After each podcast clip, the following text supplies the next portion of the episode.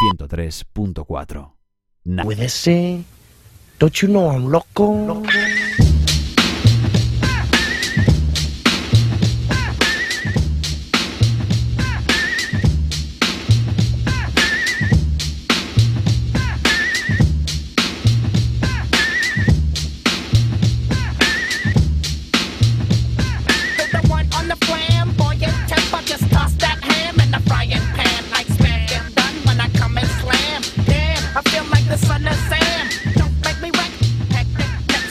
Ourenza, unha muller de 81 anos vivía sen luz.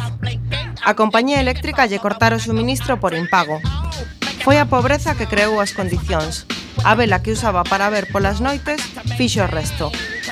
Rosa era vecina de Reus, en Tarragona. Rosa non é unha persoaxe ficticia. Faleceu o pasado 14 de novembro no seu piso de alugueiro pasa... o pasado ano. Un informe recente dos bombeiros de Cataluña alertaba de que seis de cada dez incendios con víctimas mortais nos fogares deste país poderían atribuirse á pobreza enerxética. Voceiros do goberno, empresarios e inversores falan de florecemento económico, mas esquecen que, que a exclusión nunca conclúe a vez que as crises. Oxe, máis de 5 millóns de persoas, 11% dos fogares no Estado, se declara incapaz de manter a súa vivenda a unha temperatura adecuada nos meses fríos, de acordo cos últimos datos registrados polo Instituto Nacional de Estatística. Un 8% dos fogares, 4,2 millóns de persoas, afirma estar adiando o pago das súas facturas.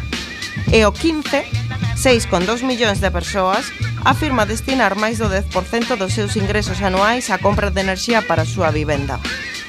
O precio da luz aumentou un 70% nos últimos 10 anos, sendo España o cuarto país coa electricidade máis cara de Europa, segundo Eurostat. Ao endebedamento hai que engadir os efectos sobre a saúde derivados de non poder acender a calefacción ou non ter acceso a auga quente. A Organización Mundial da Saúde informa de que a pobreza enerxética podería estar causando en España unhas 7.000 mortes prematuras o ano. Para a Alianza contra a pobreza enerxética, o caso da veciña de Reus non é un feito aillado. Non é só inverno. Non é un error puntual de comunicación entre empresas e administración. É unha negativa constante das empresas suministradoras a asumir a responsabilidade e a pouca valentía da administración para pôr límites ás corporacións e garantir un dereito fundamental. Este decembro, PP e PSOE chegaron a un acordo para pôr en marcha unha reforma do bono social, seguramente forzados a tentar lavar a cara das actuais políticas. Pola súa banda, a Xunta reducirá un 33% da partida que tiña destinada para combatir a pobreza enerxética. O ano pasado, 900 galegos demandaron esta axuda. Mentres, a iniciativa legislativa popular titulada Medidas para garantir a enerxía como servicio público e contra a pobreza enerxética promovida pola CIGA segue sen ser aplicada pese a estar aprobada por unanimidade por todos os grupos políticos. Absurdo que as persoas que viven en Galicia onde as voltas exporta 40% de enerxía que se produce non teñan o 100% de enerxía gratuita cando a necesitan. Mentres, as distintas administracións fan os seus programas para paliar a situación. A cerna do sistema eléctrico segue intacta. Hai relación entre a nosa falta de independencia para producir enerxía e a pobreza enerxética?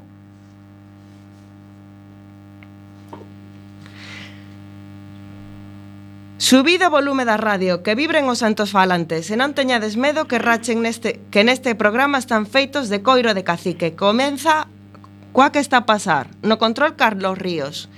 Eh, podedes seguirnos en Face en Twitter, ese tamén no dial dos compas de Radio Filispín en Trasancos Ferrolterra. Empezamos este programa de coa que está a pasar con Xosé Manuel Golpe, técnico da Xencia Provincial de Enerxía, que é unha institución dependente da Deputación da Coruña. Eh, boa noite, Xosé Manuel. Como estás? Hola, boa noite, moi ben. Quería facer primeiro, primeiro contigo eh, un estado, unha radiografía da situación actual da pobreza enerxética nos fogares galegos. Eh, tes máis ou menos unha valoración de como está o tema no país? Temos datos, sí, indudablemente hai moitísimos datos nosos de outras axencias, de Instituto Galego de Estatística, do Instituto Español de Estatística. Eh, eu casi empezaba por, por falar de, do apelido que lle estamos poñendo a esta pobreza, non? Uh -huh. Chamámoslle pobreza enerxética, non, non deixa de ser pobreza. Uh pobreza ten moitas caras, ten a cara, pois, hai pobreza social, pobreza alimentaria, pobreza de moitos tipos. A enerxética é un tipo de pobreza, pero que non deixa de ser máis que pobreza, non? falta de recursos. O que pasa é que é tan particular, tanto nas súas solucións como na súa, no seu planteamento, que precisa de coñecemento específico. De aí que poñamos o apelido, porque hai moita xente que está que é contraria a apelidar este, esta problemática, Pero si sí é necesario, é necesario identificar, é necesario atacala dentro dun, dun punto de vista específico e con medidas específicas, non? E dito isto, eh, contestando a túa pregunta de se temos datos, datos sobran. Eh, temos datos, eh, sobre todo, pois, ti dábalo na túa introducción, non? De, da xente que demanda o tique eléctrico da xunta, da xente que está en bono social, eh, no, na factura eléctrica.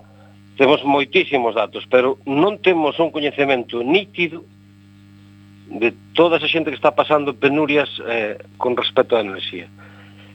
Dende a Xencia Provincial da Enerxía, dende a FAEPAC, apoiados pola Diputación, estamos levando un programa piloto en varios concellos da provincia, onde eh, identificamos a esta xente en risco de vulnerabilidade, vulnerabilidade enerxética, e lle botamos unha man para pa poder superala, non? E como fa faríades entón para identificar? Cal, cal, cal son as eh, actuales dificultades que estades vendo? Bueno, pois pues, en primer lugar, eh, nós poñémonos en contacto cos servicios sociais do, do Concello Objetivo. Aquí que empezamos nos Concellos de Ortigueira e As Pontes, que foron máis receptivos a, a nosa proposta, e nos damos un perfil tipo que nós creemos en base a estes datos. Hai que dicir que eh, en España a asociación pioneira no, na loita, na identificación da pobreza enerxética é a Asociación de Ciencias Ambientais. Entón, apoiados nestes informes que editan ano tras ano, dentro do ano 2012, pois eh, facemos un perfil tipo de, de persona en risco ou en seria vulnerabilidade. entonces unha vez que identificamos estes usuarios, a estas persoas con, con esta problemática, eh, vamos a elas eh, analizamos todo o seu entorno, dende como compran a enerxía, a quen están pagando, como lle están pagando, donde a están utilizando, eh, como é o medio no que viven, como é esa vivenda na que viven, que carencias ten, se si hai filtracións de aire polas siestras, si hai sistemas de calefacción, se a poñen, se na poden poñer, analizamos todo, non? E, e a partir de aí formulamos eh, melloras, eh, formulamos eh, solucións para para que poidan manter unha temperatura axeitada, sobre todo en inverno, non? aquí o verán non é tan problemático como pode ser na meseta, aquí é, é o inverno o que temos que atacar, e tamén pois, que poidan cociñar todos os días. Non? Vamos, poderíamos dicir que, que o vos enfoque sería máis global, non son de non solamente destiñar fondos para que a xente poda pagar a súa factura, senón tamén analizar as causas de por qué. Claro, que é, sin esta visión global mm, poñemos parches, pero non atacamos de raíz. Non? Entón, nós creemos que hai que empezar por baixar o terreo. Hai que porque como ti me pedías ao principio datos, datos eh, falabas tamén na tua introdución de, ese de ese porcentaxe de persoas que dedican máis do 10% dos seus ingresos a eh, compra enerxética, ao, ao seu gasto enerxético. Hai que pensar que un 10% si, si, si ese criterio é universal, porque é un criterio que está aplicando o Reino Unido, eh, máis do 90% da población galega estaría en risco de pobreza enerxética. E non é así. Afortunadamente non é así. Por iso nós, eh, con este plan piloto, atacando dende a raiz, o que pretendemos é definila moito mellor, decir, saber que cara ten, eh, poñerlle cara a, a pobreza enerxética en sí, e ofrecer solucións, solucións que sean replicables que, pues, dende solucións eh, sin custo algún, como é sorprendente ver que todavía eh, xente que ten dereito ao bono social non o ten solicitado e non ten custe bueno, pois dende esta medida administrativa non tería custe ningún pois ata colocar uns burletes nunha fiestra para que non entre frío ou cambiar a iluminación dunha vivenda pois a tecnologías eh, moito máis eficientes como pode ser a tecnoloxía LED ou fluorescencia de baixo consumo non? Falabas antes de perfís. Que perfil tería o que o que estades encontrando? Perfil de familia, desempregada, mulleres? Ui, pois desafortunadamente creo que a pobreza enerxética ten cara de muller. Creo que sí, eh, é o que estamos vendo, é casi case sempre con cargas familiares, ven sen fillos, ven sen familiares, en dependencia, non? Ou pode ser un, un marido pois, postrado nunha cama, ou pode ser... Pois, eh, non sei, é, é, é unha cara dura, triste, pero pero existe, está aí e nós estamos eh, é, identificando a primeira vez, pois intentando porlle solución, non? Para que teña un confort e teña unha, unha usabilidade pois, pois a caída, non? Hmm. Sabedes que eh, a partir de mm, o PSOE e o PP eh, pactaron un, unha reforma do bono do bono social. Eh, non sei se tedes unha opinión ao respecto na na xencia provincial. Eh, de momento non podemos ter unha opinión firme porque non existe unha publicación no BOE, non? A única publicación no BOE, de, eh, decía, é ano pasado, é que se lle obriga a todas as comercializadoras eléctricas a asumir a súa parte do bono social.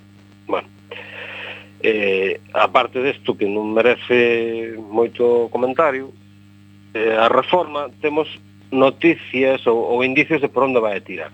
O bono social, que é unha ferramenta de protección para certos colectivos, ten moitas moitas fallas, ten moitos eh, furados por onde se está colando moita, moita xente que non debería estar no social e ao contrario, xente que ten dereito ou que debería ter dereito non pode acudir a él pois, por unhos céntimos ou por un, por un pequeno problema non? entón o que agardamos é que esta reforma que se promove eh, pois sea máis solidaria e sea máis clara que vai en función da renda, que vai en función dos ingresos dunha unidade familiar, e que non este parametrizado un catro supostos como é agora mesmo. Porque agora mesmo prácticamente solamente depende de, de, da potencia contratada. Non, non, non, ese, ese é un suposto nada máis. O primeiro suposto é que ter menos de 3 kW de potencia contratada, que eh, realmente é un 1% do bono social nadie ten menos de 3 kW de potencia contratada porque aparte é unha potencia moi pequena, non é unha potencia normalizada. Vou falar de memoria a risco de engañar creo que a potencia inmediatamente inferior a 3 kW son 2,3. Estou falando de memoria. O sea que nadie ten 2,3 kW de potencia contratada, moi pouca xente, porque prácticamente son as bombillas da tua casa máis unha nevera. Ese é o primeiro suposto. O segundo suposto é que todos os membros da unidade familiar estén en paro que, bueno, nos entendemos que este é, é positivo, non? Hai un tercer suposto que é pensionistas con rendas mínimas, que tamén entendemos que está que estaría ben. O pasa que non se piden eh, non se pide máis que justificar o ingreso da pensión. Non, da igual, non, non o, R, o índice de RPF, só se fai a través da, da pensión. E o cuarto e último suposto son familias numerosas. Punto. Decir, aí entran todas as familias numerosas. E da igual e, a renta que teñan. Exactamente. A renda non, non intervén. E aí pois, pode haber certas injusticias. Non? Xa. E outras medidas que se te poden ocorrer que non se están aplicando para, para rematar con este problema?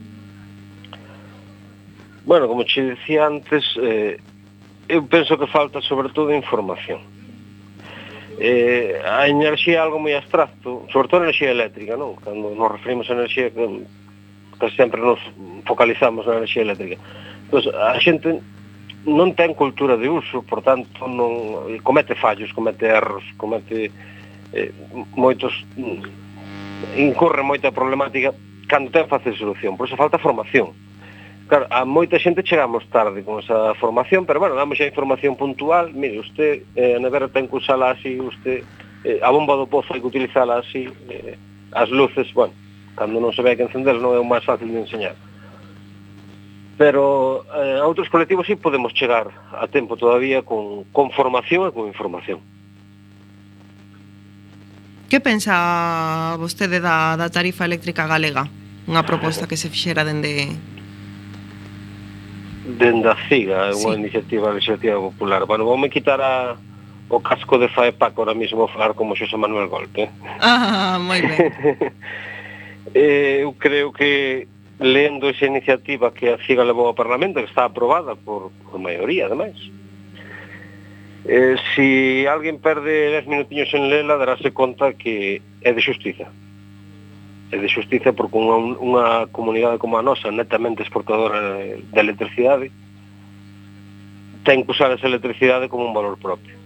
Ou debería estar utilizando esa electricidade para valor propio. Non só para loitar contra a pobreza enerxética que tamén senón tamén para fixar emprego para fixar eh, a residencia de empresas empresas con alto consumo enerxético como é Alcoa que están sancionadas eh, en Lugo pois ese exemplo de, de Alcoa podese multiplicar por 10, por 15, por 20 se tivésemos unha tarifa propia máis, máis a caída ao noso perfil produtor. Eso axudaría a que a renda per cápita do noso país subise e, por tanto, a pobreza fose disminuindo co cal estaríamos matando moitos paxaros con un só tiro. Pois moitas gracias pola túa participación, Xosé Manuel. Eh, agradecemosche moito que, que estiveras connosco no programa. Vale, gracias a vos e un saúdo a toda a audiencia. Gracias, ata logo. Ata logo. E agora imos facer unha pequena pausa cunha canción titulada Working Man. Working Man.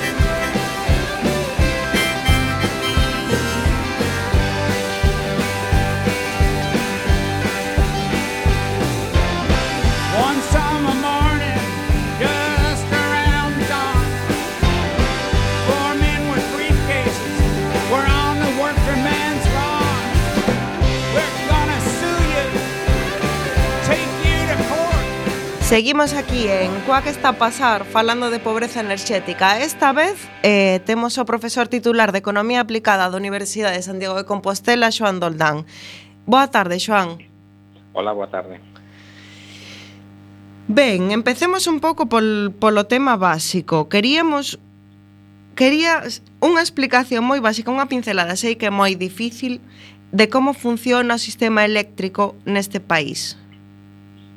Pois, a ver, o sistema eléctrico eh, basease fundamentalmente eh, na produción en base a enerxías non renovables, eh, carbón gas natural, eh, enerxía nuclear e en moita menor medida en base a enerxías renovables. A actividade productiva so, é eh, realizada fundamentalmente por empresas privadas e, e a xestión da, da distribución e comercialización pois tamén por eh, empresas privadas. Eh, teóricamente, eh, estas actividades, a de producción, distribución, comercialización, eh, pertenece a empresas distintas, pero eh, na práctica eh, tres empresas eh, son as que controlan prácticamente todo o mercado do país.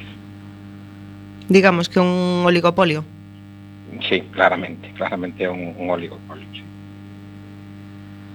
Xa, e como, como pensa vostede que, que isto influe na pobreza enerxética?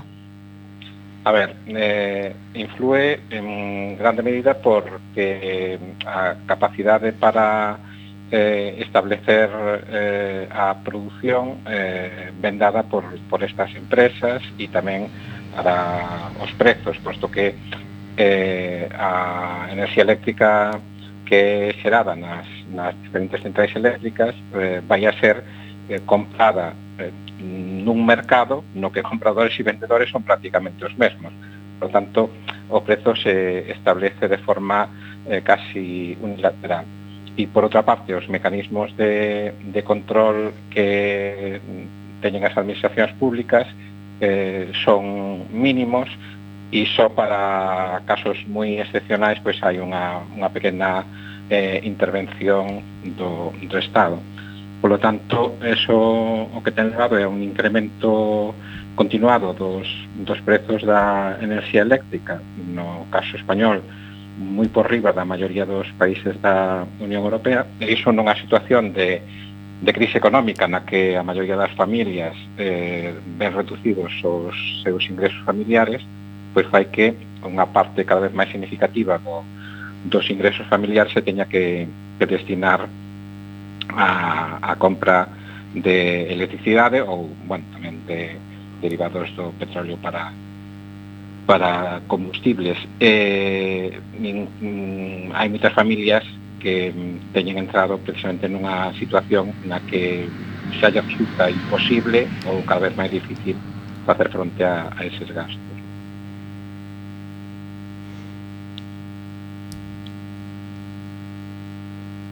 É verdade que, mm, que hai moita xente que non, non ten capacidade para para pagar a electricidade da súa casa. Eh, hai xente que propón eh, a tarifa eléctrica galega eh, como unha solución a, a este tema. Vostede, a vostede que, que, opina, que opinión lle merece este tipo de medidas? A ver, eu particularmente non estou de acordo, eh, non porque haxa unha tarifa específica para, para Galiza, porque, bueno, podría entender que, que isto é razonable, pero a forma en como se justifica esa tarifa eh, é o que xa non me parece tan razonable. Eh, digo isto porque eh, a veces temos a idea de que Galiza ten unha capacidade enorme de, de xeración de enerxía eléctrica con os propios, na medida en que eh, gran parte da electricidade que se xera aquí en Galiza eh, exportada ao resto do Estado. Pero o certo é que para xerar esa enerxía eléctrica en Galiza o que temos eh, que facer primeiro é importar eh, grandes cantidades de, de recursos enerxéticos como pode ser eh, carbón, que na actualidade pois, todo procede do exterior, ou gas natural. Eh, e iso mm, o que fai é que nós realmente te, temos capacidade de transformación de, de recursos alleos eh, en, en enerxía eléctrica, pero non temos capacidade de, de autoabastecemento, entre outras cousas porque en Galiza se teñen instalado eh, actividades industriais que son moi intensivas no uso da electricidade, por exemplo, toda a industria de, de, de transformación, bueno, de extensión e transformación do, do aluminio que, que vaya a consumir unha parte eh, enorme de, de toda a electricidade que se xera en Galiza. Por lo tanto, que exista unha, unha tarifa diferenciada para Galiza, entendendo que debería ser compensada a esta mm, capacidade de transformación e, e sobre todo, eh, os efectos eh, ambientais desa, desa transformación, tendo aquí unha tarifa máis baixa, mm, serviría, sí, para que as familias poderan pagar menos, pero tamén para que estas empresas eh, pagasen menos por la electricidade. Eh, eu creo que realmente o, o problema principal é precisamente eh, a, a dependencia que eléctrica e enerxética que, que ten Galiza por mor precisamente desas actividades.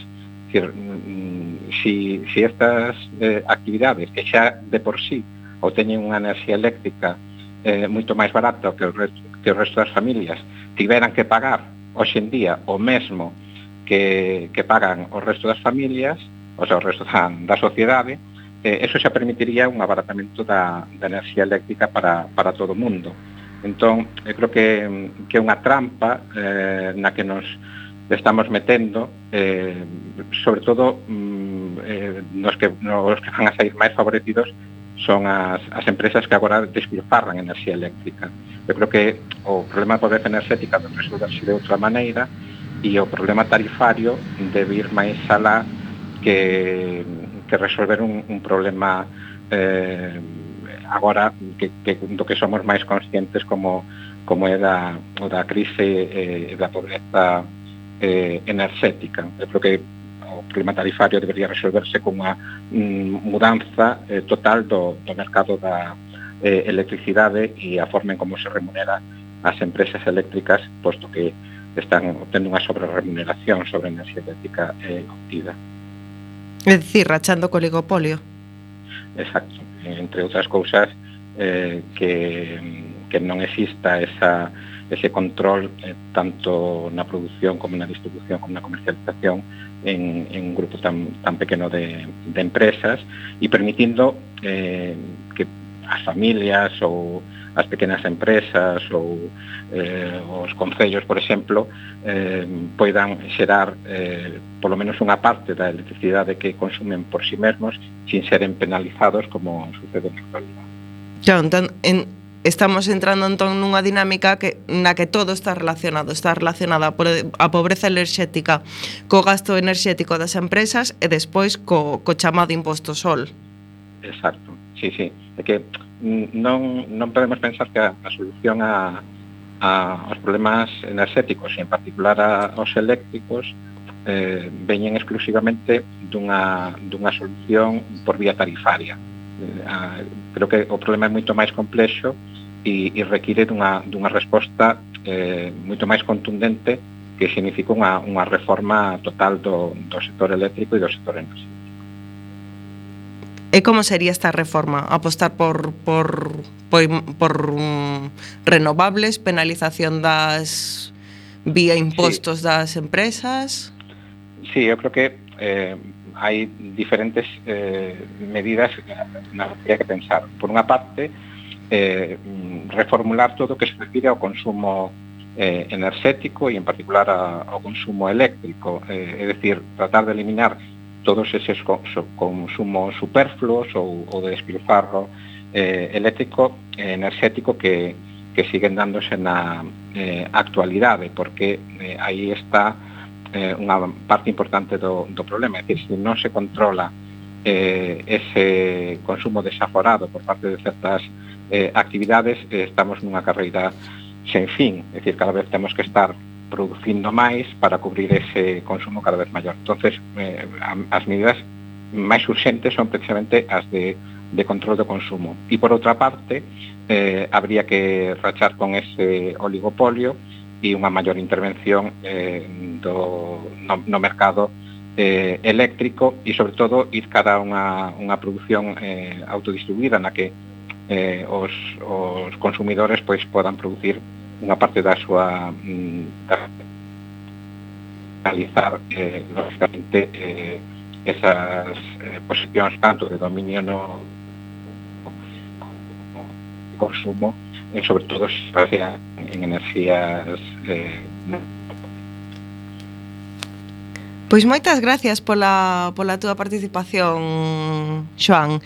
Eh,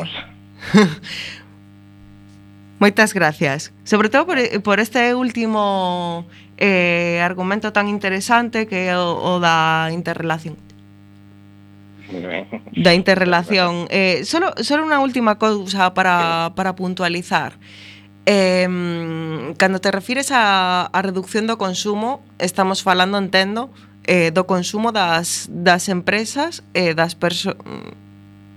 Si, sí, consumo tanto de, de empresas, eh, que é onde está unha, digamos, o problema eh, principal, E despois tamén unha parte do, do consumo, mm, por exemplo, na, nas administracións públicas tamén hai un, uh -huh. un, un consumo a veces eh, pouco controlado.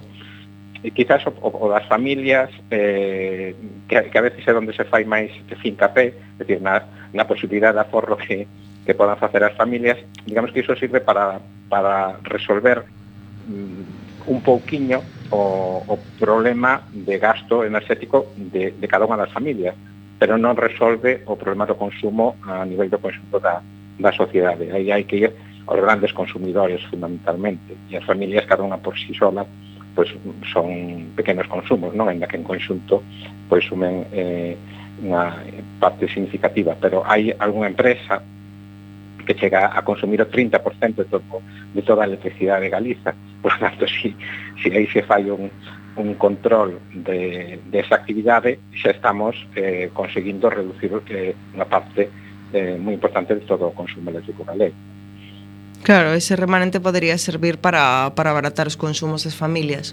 Claro, ou para repensar incluso a forma de, de, de estar xerando electricidade nestes momentos. Que opinan lle, lle merece a, o anuncio da, da reforma do, do bono, do bono social deste Nadal?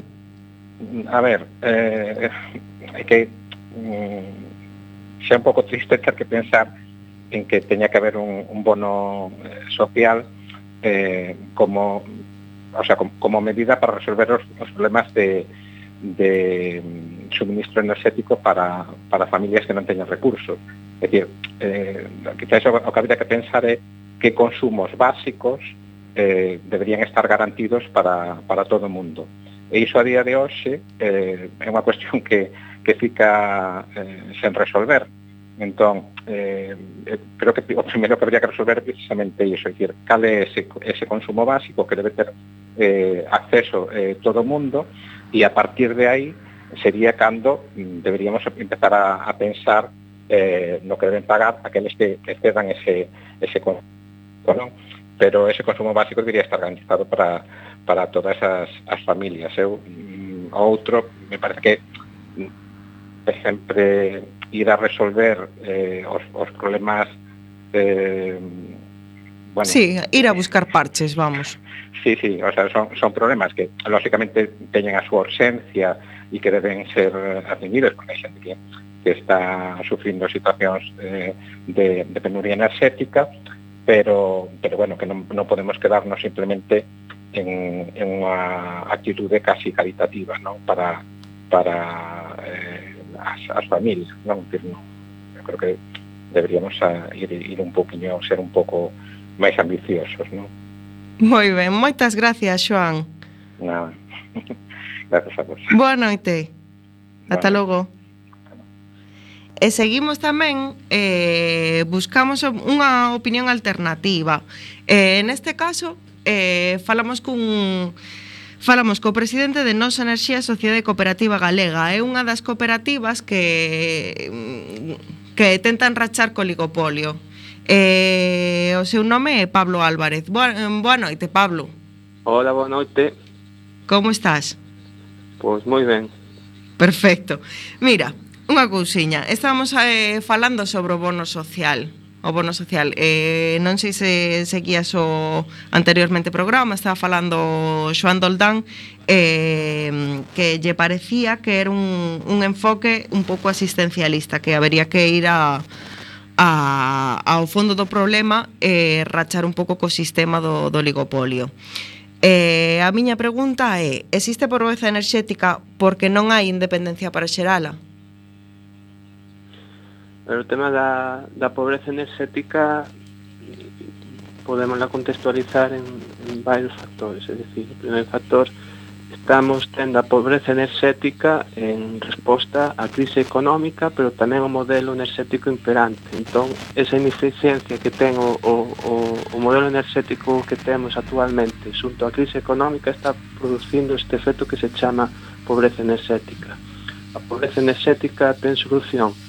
Pois sí, ten solución nunha primeira apartado en base a políticas públicas para, digamos, facer unha terapia de choque inmediata de axudar eh, con urxencia, digamos, esas familias que, que están a padecer a pobreza enerxética, ben como comentaba antes o Semana de Golpe, e despois eh, a, a opción, digamos, máis a longo prazo eh, para que non se xeneren novos casos de, de pobreza enerxética, pois é cambiar o modelo enerxético, como estaba propoñendo ben o profesor Osvaldo Ondal.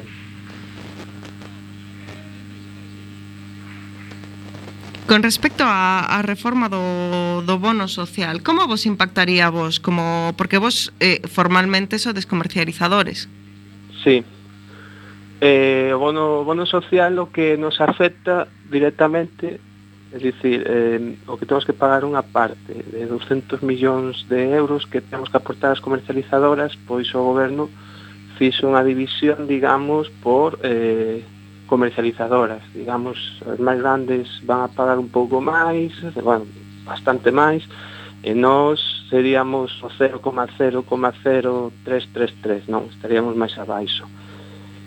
Eh, o bono social, tal como está deseñado, non vai a ser, digamos, unha panacea de dicir o goberno está axudando as familias máis desfavorecidas, o sea, é unha solidaridade obrigatoria, é dicir, eh, eh, as comercializadoras ao ter que pagar eh, o, o bono social o que van a facer ao final non é pagalo en base dos seus beneficios senón ese, ese cartos van nos facer eh, van nos traer precisamente mediante a subida un poquinho do, do recibo da luz non?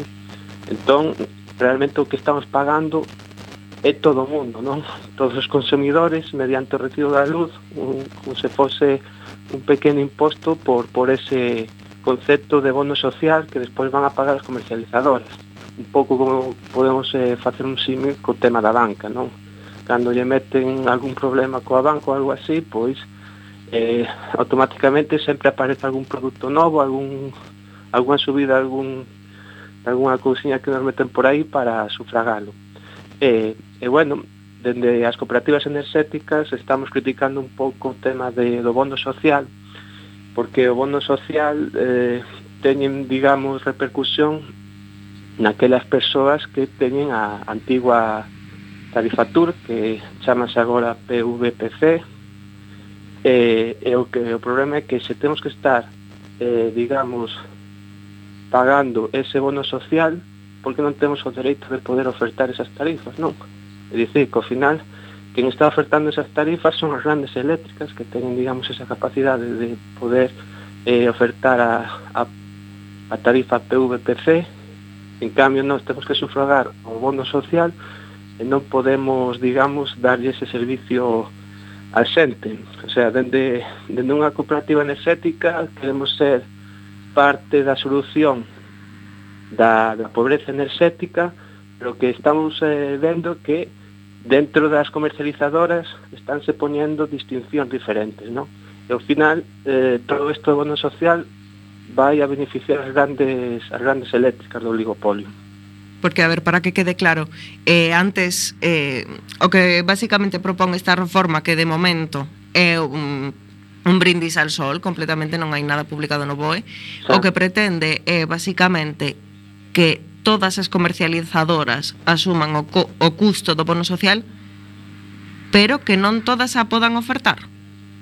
É dicir, vos teríades que, que cubrir un custo dunha tarifa sí. que non podedes ofertar.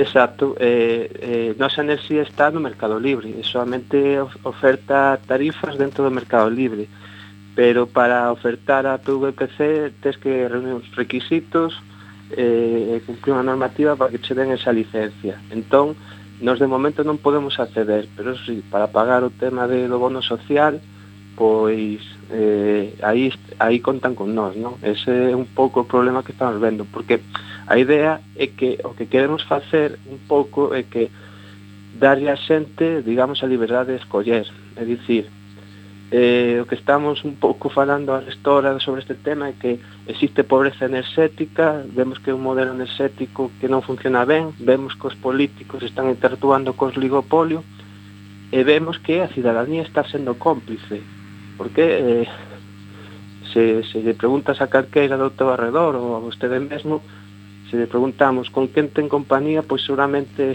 pode ser unha empresa do oligopolio, a gran maioría son os contratos. Claro, unha, unha persoa que lle van a cortar a luz, dañe un bono social pagado entre, digamos, todos os cidadáns vía subida da luz ou vía impostos, ese bono social vai ir a unha empresa do oligopolio, que son as que están ofertando solamente a tarifa PVPC, non? E aí, ao final, non, non ocorre nada, o sea, é un pouco como cambian algunha consiña, pero todo queda igual, non? Xa, ademais, para este inverno xa nada, non? Claro, xa sería segundo saio boi para dentro de tres meses, eh, sería tería tería entrada en vigor o, o decreto este e bueno, esperemos que non haxa máis cambios, non? Porque está un poquinho todo o sector bastante revolto a nivel normativo e bueno, a ver o que vai acontecendo xa, vamos, que como poñervos máis máis cargas e, e desincentivar máis a, as persoas que queren ir a unha a unha cooperativa, por exemplo. Exacto, dende a cooperativa eh, digamos eh, unha ferramenta de execución. Todo o que se está falando, as palabras que comentaron os anteriores, bueno, tanto Osvaldo Dan como Xosé Manuel Golpe, pretendemos facelo e leválo a cabo dentro dunha cooperativa, non? É un pouco pasar esas palabras aos feitos. Eh? temos que sair á rúa e buscar solucións para dicir ah, isto podese facer, en realidade vais a facer. Pero claro, moitas veces temos que contar cos atrancos normativos, e telos que sortear, e bueno, o importante que eh, estamos aí tirando para diante, e bueno, eh, animar a toda to a todos os radiointes que se animen a ser parte deste gran proxecto que se chama Nosa Enerxía. Uh -huh. E tamén eh, unha cousa que me chamou a atención lendo lendo unha, unha noticia sobre, sobre todo este tema é que eh, as, as empresas enerxéticas eh, deberían asumir o coste do bono social en función do número de clientes e non dos ingresos obtidos, por exemplo. Que, que opinión que opinión che merece isto? Eh, a ver, eu penso que o bono social eh, debía ser tamén considerarse outros factores, por exemplo, como según o volume de enerxía vendida, pode ser tamén según o número de clientes, calquera valoración pode ser válida. O que non debía repercutir é que eh, se a comercializadora aporta o bono social e despois sube a factura para que entre todos teñamos que pagar esa aportación, para iso é esa mellor que poña directamente ou xa mismamente nos impostos que pagamos eh, a facenda pois un pequeno importe para ese concepto de, de bonos sociales a Estado. O sea, estamos dando máis voltas e ao final o que, o que va a repercutir é no bolsillo da xente. É dicir, teria que ser unha, un tipo de axuda que sexa proporcional e, e despois bastante máis nítido, non? É dicir, eh, a pobreza enerxética é fácil de combater, pero eh, teria que teñese unha normativa pois, eh, que, que non tivese todos estes hándicas que estivemos falando anteriormente. Xa, porque, por exemplo, se tes eh, moitos, clien, mm, moitos clientes corporativos podes eh, ofertar o bono social con, con absoluta tranquilidade, mentres que se non... Claro, claro. Por exemplo, a nosa enerxía fixemos unha estimación este ano temos casi 200 contratos, teríamos que facer unha aportación dun 700 euros do, do bono social, non? Entón, eh, cales son as ferramentas que temos para facer, digamos, ese até 700 euros que, que temos que pasar directamente, digamos, ao bono social. Pois incrementaron as tarifas ou, ou non sei, pero unha empresa grande como Endesa ou Gas Natural Fenosa teñen 40.000 excusas para sacalo de 40 conceptos. Metenche un conceptillo pequeno e se recaudan todo, todo iso, non? O sea, teñen máis máis ferramenta, non? O tema da pobreza enerxética dende a cooperativa eh, sen sen empregar, digamos, o tema do, dos recursos que pon o goberno a disposición, eh, o que estamos facendo é, por exemplo, o trimestre anterior contra, digamos, a tendencia do precio da enerxía, que está sendo bastante alto, eh, a cooperativa rebaixou no considerablemente para que os socios da cooperativa no inverno, cando hai máis frío, precisamente cando se incrementa o uso da enerxía, pois non, non lucrarse nese sentido, non? Dicir, non vamos a penalizar o bolsillo dos, dos nosos socios precisamente agora en inverno, non? Entón, esa é a fortaleza que ten a cooperativa dentro da súa marxa de actuación que pode decidir xa en esos niveles, tipo de tarifa, e mirar, e mirar o que é o mellor para, para o socio consumidor, non? Porque se en algún momento aparecese algún caso de algunha persoa que non pode asumir, digamos, que algún dos socios queda sen, sen emprego ou como, como apañaríades para, pois, para asumir a costa? Non tivemos ningún caso, eh, por sorte, pero o que o que facemos, así algún caso que tivemos, é, eh, por exemplo, pois se unha persoa non pode pagar un mes, pois falamos con ela, dicir, bueno, eh, pois podelo pagar no seguinte mes, non, o sea, podemos facer un pequeno esforzo porque non é por, por capricho, nos temos que pagar para eh, pagar a merca de enerxía e toda a imposición, digamos, do, do mercado enerxético que son moi estrictos.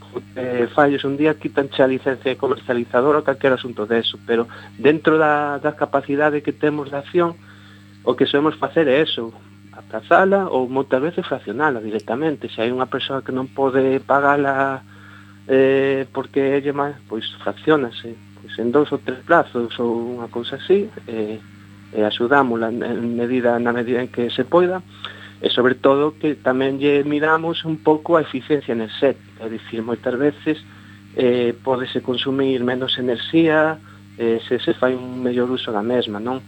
E bueno, todos os mecanismos que xa coñecemos e existe, pois eh, intentámoslo, digamos, levar adiante pois cando teñamos un caso de, de pobreza enerxética, non? Xa, Xa, moi entendible, porque os seres unha cooperativa tirades uns dos outros, coñecede vos tedes relación entre vós, non?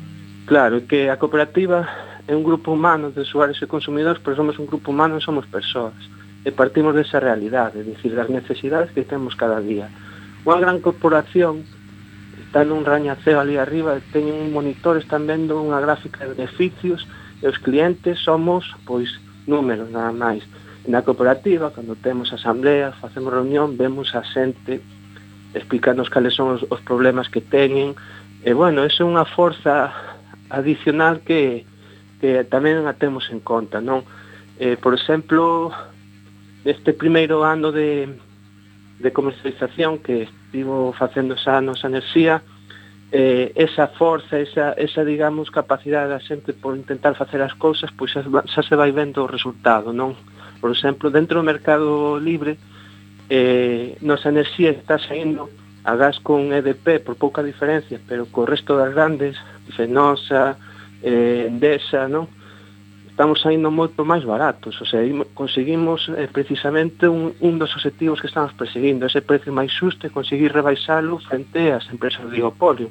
Por exemplo, un socio nos enerxía dunha tarifa media de 3.3, 2.0, perdón, 2.0A, perdón, tivo case un aforro de 100 euros este ano con respecto a gas natural fenosa.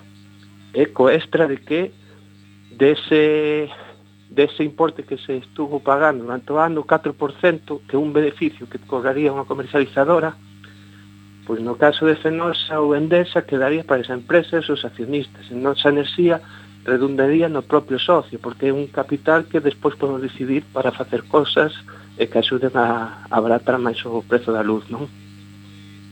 Claro, sí, falando despois tamén de, de desechos para o Aninovo, e pensas que en algún momento se reformará tamén o imposto sol? Mm, o imposto sol eu penso que sí, pero non sei cando. Depende moito dos condicionamentos da política. A nivel europeo as directivas van favorables a eliminar o imposto do sol e despois a nivel tecnolóxico xa está aí unha unha tecnoloxía como a fotovoltaica que xa ten uns prezos moi competitivos. Entón, eu non sei ata cando van a poder eh, soster esta situación. Eh, temos aí como un impas político agora que está un pouco toda a situación así desquiciada, pero eh, digamos que os indicios apuntan a que sí, vaise derogar. O que pasa é que xa le vamos dicindo eso dende fai un par de anos. O que sí xa se aprobou fai pouco foi comenzar a, a cobrar, digamos, xa o imposto ao sol xa empezar a, a recadar.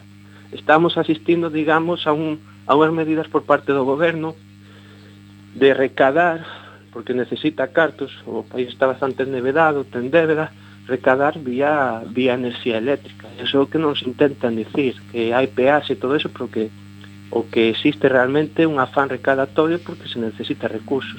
Onde se pode recadar sempre máis? Pois en bens imprescindibles como pode ser a enerxía, a auga, o pan, etc. Non?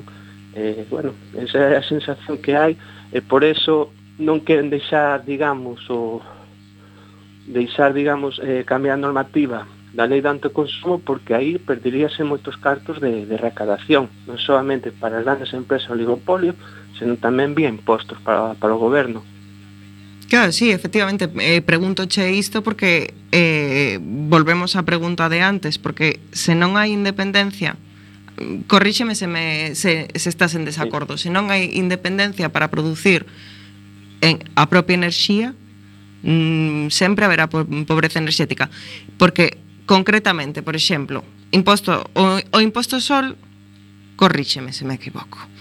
Eh, se eu quero poñer no meu edificio ou na miña casa eh, unha serie de placas solares, eh, mini turbinas hidráulicas, o que sexa que me xenere enerxía, a empresa eléctrica eh, vaime cobrar como se eu tivese máis potencia e como se esa potencia fora súa, xenerada por elas, verdad? Sí, bueno, e aparte hai máis conceptos, bastante un pouco a veces difícil de, de entender a propia normativa, non? É dicir, se, por exemplo, tes esa instalación como autoconsumo se estar conectada á rede, aí non terías que pagar nada. Pero no momento en que te conectas á rede, xa entrarías dentro do mundo regulativo que, que implica a normativa do imposto ao sol, non? Eh, e claro, isto ven sendo un pouco como a, a soberanía alimentaria. Se tes un cacho de terra e plantas uns tomates, e non os vendes, podelos comer ti. Iso sería autoconsumo neto, non? Sen, sen estar enganchado. Pero se colles estes tomates e os levas a un mercado, a un supermercado a vendelos, aí se te van a exigir impostos, eh, criterios de sanitarios e 40.000 historias, non? Hmm, comprendido, eh, sí. pasa, pasa, pasa así con, co, co tema este da luz. Entón se ve que ao final o, o Estado é un afán recadatorio, pero bueno, sempre foi así a figura do Estado, non? Xa. Efectivamente. Pois moitas gracias, Pablo, por, por entrar con nos a aportar a túa visión e a túa opinión sobre, sobre este tema. A verdade é que eh, o programa estaba pensado para falar eh, de pobreza enerxética, pero derivamos nun, nun tema mm, na cerna do sistema do propio sistema eh, eh, eléctrico que é onde está realmente o problema da pobreza enerxética, non? Exacto, é que todo vemos o digamos o impacto final de todo o sistema e como se está facendo, é, dicir, é como dentro de X anos cando vexamos que está nevando facendo que hai un cambio climático, dicimos, e como vai solucionar o cambio climático? Dicimos, rebobina para atrás e vimos vendo como se foi deseñando, digamos, o sistema, o planeta e a contaminación. E a pobreza enerxética é un impacto que, que estamos vendo, pois, como está funcionando o actual modelo enerxético, eh, despois axudado pola crise económica. Nada máis e nada menos, sería sí. esa situación. Está claro. Pois moi ben, moitas gracias, Pablo. Pois a vos, saúdo. Boa noite. Boa noite. Moi ben, aquí seguiremos en, en Quack FM o dentro de 15 días. Na semana que ven eh, estarán os, com, os compas de RQR e en 15 días volvemos nós. Eh, recordade que este sábado temos eh, varias citas. O, o sábado na comuna, eh, no Centro Social A Comuna, na Vereda do Polvorín 35, hai un concerto de homeless máis eh, un xantador popular. E despois tamén mañá será a, a marcha ao cárcere de Teixeiro. Elixide e eh, ide a que, a que máis vos guste e bo fin de, bo fin de semana e ata logo. Un saludo.